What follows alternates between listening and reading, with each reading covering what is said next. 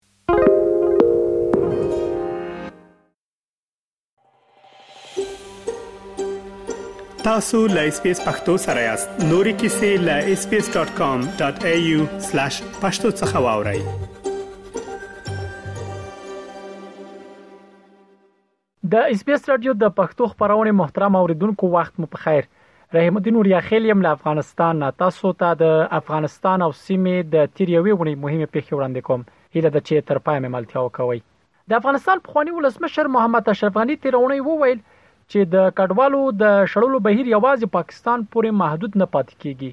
محمد اشرف غنی په یو غږیز پیغام کې چې د نوموړي پر فیسبوک پاڼه خپور شوی وو له پاکستان څخه د افغان کډوالو په جبري وستنې خواشنی وښودل او وی ویل د افغان کډوالو استنه په خواشنۍ سره تعقیبوي او افغانستان د خپل کډوالو له پتمن استنیدا پرته بل لار نه لري غني وویل، د کډوالو کړکېچ ملت او طالبان د ګډ اقدام لپاره پر یوې لارې درولي او دې بحران د ګډو مسئلو په اړه د یو ملي بحث اړتیا ډېره کړې ده. پخواني ولسمشر محمد اشرف غني د وړاندیز په توګه وویل چې له دې ستونزې نه د وتلو یوازنۍ ښه لاره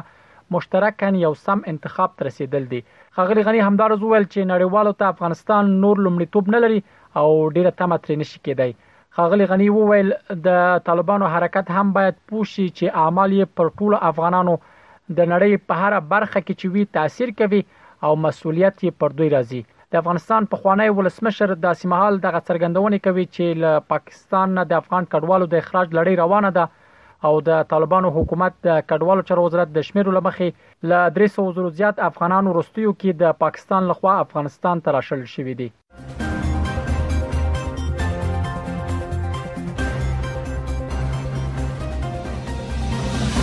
د ملګرو ملتونو مخدره توکو او جرمونو سره د مبارزې څنګه یو ان او ډي سي په یو راپور کې تیرونه وویل چې د امګړې په افغانستان کې د کوکنارو په کښت کې 15 سلنه کموالی راغلی دی یو ان او ډي سي دغه راپور چې د نوومبر په 15 مخ پور کړ پکې راغلی ول چې د دوه زره او دوه ویشت میلادي کال په پای کې د افغانستان په دوه سوه او درې دېرش زره هکتاره ځمکه کوکنار کرل شوي وو چې په دوه زره او درویشت میلادي کال کې دغه کچه بیا لس زره او اته سوه هکتاره ځمکې ته راښکته شوې ده. راپور کې راغلي ول چې د کوکنارو د کرکیل له کمښت سره جوخت د اپینو په تولیداتو کې هم ډېر کموالی راغلی او په دوه زره او درویشت کال کې یوازې درې سوه او تریزیس ټنه هیروین تولید شوي دي. یو ان او ډي سي په راپور کې همداراز ویل شوي ول چې د هغو بزګرانو عاید چې اقتصاد یې د کوکنارو کښت پورې تړلی دی هم د بیلابیلو نشهيي توکو په کرلو د بندیزونو له امله کم شوی دی. دغه دفتر ویلي ول چې په دوه زره او درویشت کال کې د هغو بزګرانو د عاید کچه چې پر سوداګرو تریاکې پلورل دوه نوي سلنه ته راکمه شوې.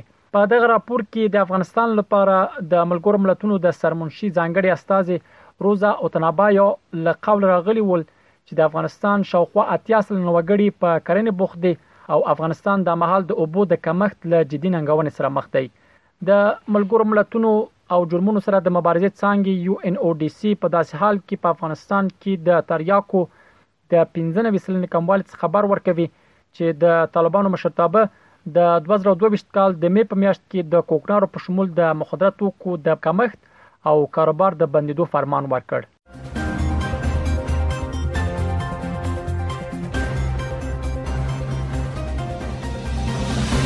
د ازبکستان د ولسمشر مطبوعاتي دفتر تېره اونۍ وویل چې د اقتصادي همکاریو سازمان یا ایکو په راتلونکي سرمشریزه کې به افغانستان ګډون ونه کړي.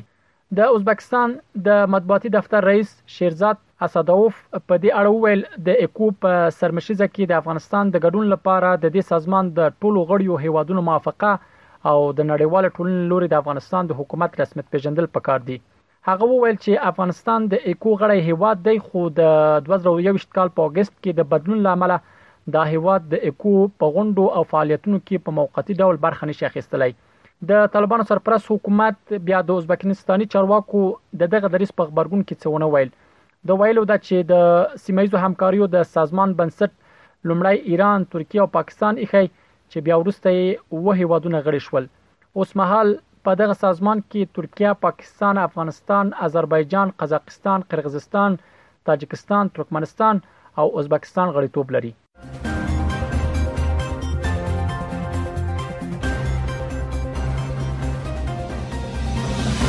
د پاکستان سرپرست لومړي وزیر انورالحق کاکړ تېره اونۍ وویل، له پاکستان څخه افغان کډوال ځکه ایستل کېږي چې افغانستان د هغه ډلو په مخنیوي کې پاتې راغلی چې د خاورې په کارولو سره په پاکستان کې عملیات کوي د فرانس پریس خبري اژانس د راپور لمخې خاغړي کاکړ د نوومبر په اتمه په یو خبري کانفرنس کې وویل چې لڅ باندې دوه کلون را پدې خو لکم وخت راهیسې چې طالبان په افغانستان کې وخت ترلاسه کړی پاکستان کې د تحریک طالبان پاکستان لوري بریدونه زیات شوی دي هغه ادعا وکړه چې په پاکستان کې په ځانمرګو بریدونو کې یو شمېر افغانان هم شامل وو. ښاغلي کاکړ په خپلو خبرو کې دا ادعا هم وکړه چې دوی افغان طالبانو ته د ټي ټي پي د غړو لیست ورکړی او دغه راز یې ورسره په دې اړه بشپړ معلومات شریک کړي خو طالبانو تر اوسه په دې برخه کې مثبت اقدام نه دی کړی. د پاکستان سرپرست لومړي وزیر همداراز له افغان طالبانو وغوښتل چې باید په دې هېواد کې مېشت ټول پاکستانیان چې په پاکستان کې په ترهګریزو بریدونو کې لاس لري، ژر تر ژره ونیسي او دوی ته یې وسپاري. له دې سره مهاله د طالبانو ویاند ذبیح الله مجاهد بیا د انوارالحق کاکړ دغو څرګندونو په ځواب کې د یو اعلامیې په خپرولو سره وویل چې دوی پاکستان کې دننه د امن د ټینګښت مسولیت نه لري د طالبانو په اعلامیه کې راغلي ول پاکستان باید خپل کورنی مسایل په خپل حل کړي او د خپل ناکامیو ملامتي دي پر افغانستان نه اچوي اعلامیه کې دا هم ویل شي ول لکه څنګه چې دوی په افغانستان کې امن او سوله غواړي همدارس پاکستان کې هم امن غوښتونکي دي د یادونه ده چې د اسلام آباد او افغان طالبانو ترمنځ اړیکې چې لا د مخه هم ترنګلې وي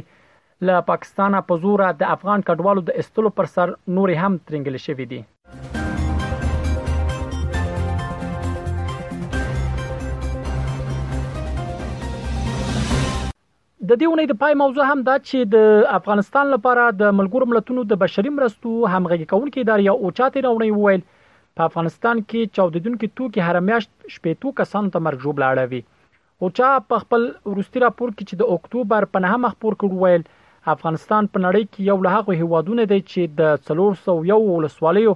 له درېوو دوه برخې یې په چاودېدونکو توکه ککړې دي. راپور کې راغلي ول چې د افغانستان درې میلیونه خلک په داسې سیمو کې ژوند کوي چې ماینونه، ناچاوده توکي او د جګړې پاتې شونې یې په هر کیلومټر کې شته. اوچا په خپل دې راپور کې د ناچاودو وسلو له امله افغانستان په نړۍ کې تر ټولو بد وضعیت کې بللی وو د یادونې ده چې د سره صلیب نړیوالو کمیټې څو مده مخکې په یو راپور کې ویلي ول چې د 2023 کال د جنوري نه د 2023 کال تر جون میاشتې پورې په افغانستان کې د ناچاودو وسایلو او ماينونو د چاودنې لامل نږدې 1100 ملکی وګړي وژل شوی چې ډېری برخه ماشومان خودلی ول دا ول د افغانستان او سیمې د تیر یوې اونۍ مهمې پیښې چې ما تاسو ته وړاندې کړې تر بیا ښې چارې که غواړئ دغه سنوري کیسې هم او رینو د خپل پودکاسټ ګوګل پودکاسټ یا هم د خپل خاكي پر پودکاسټ یو اورئ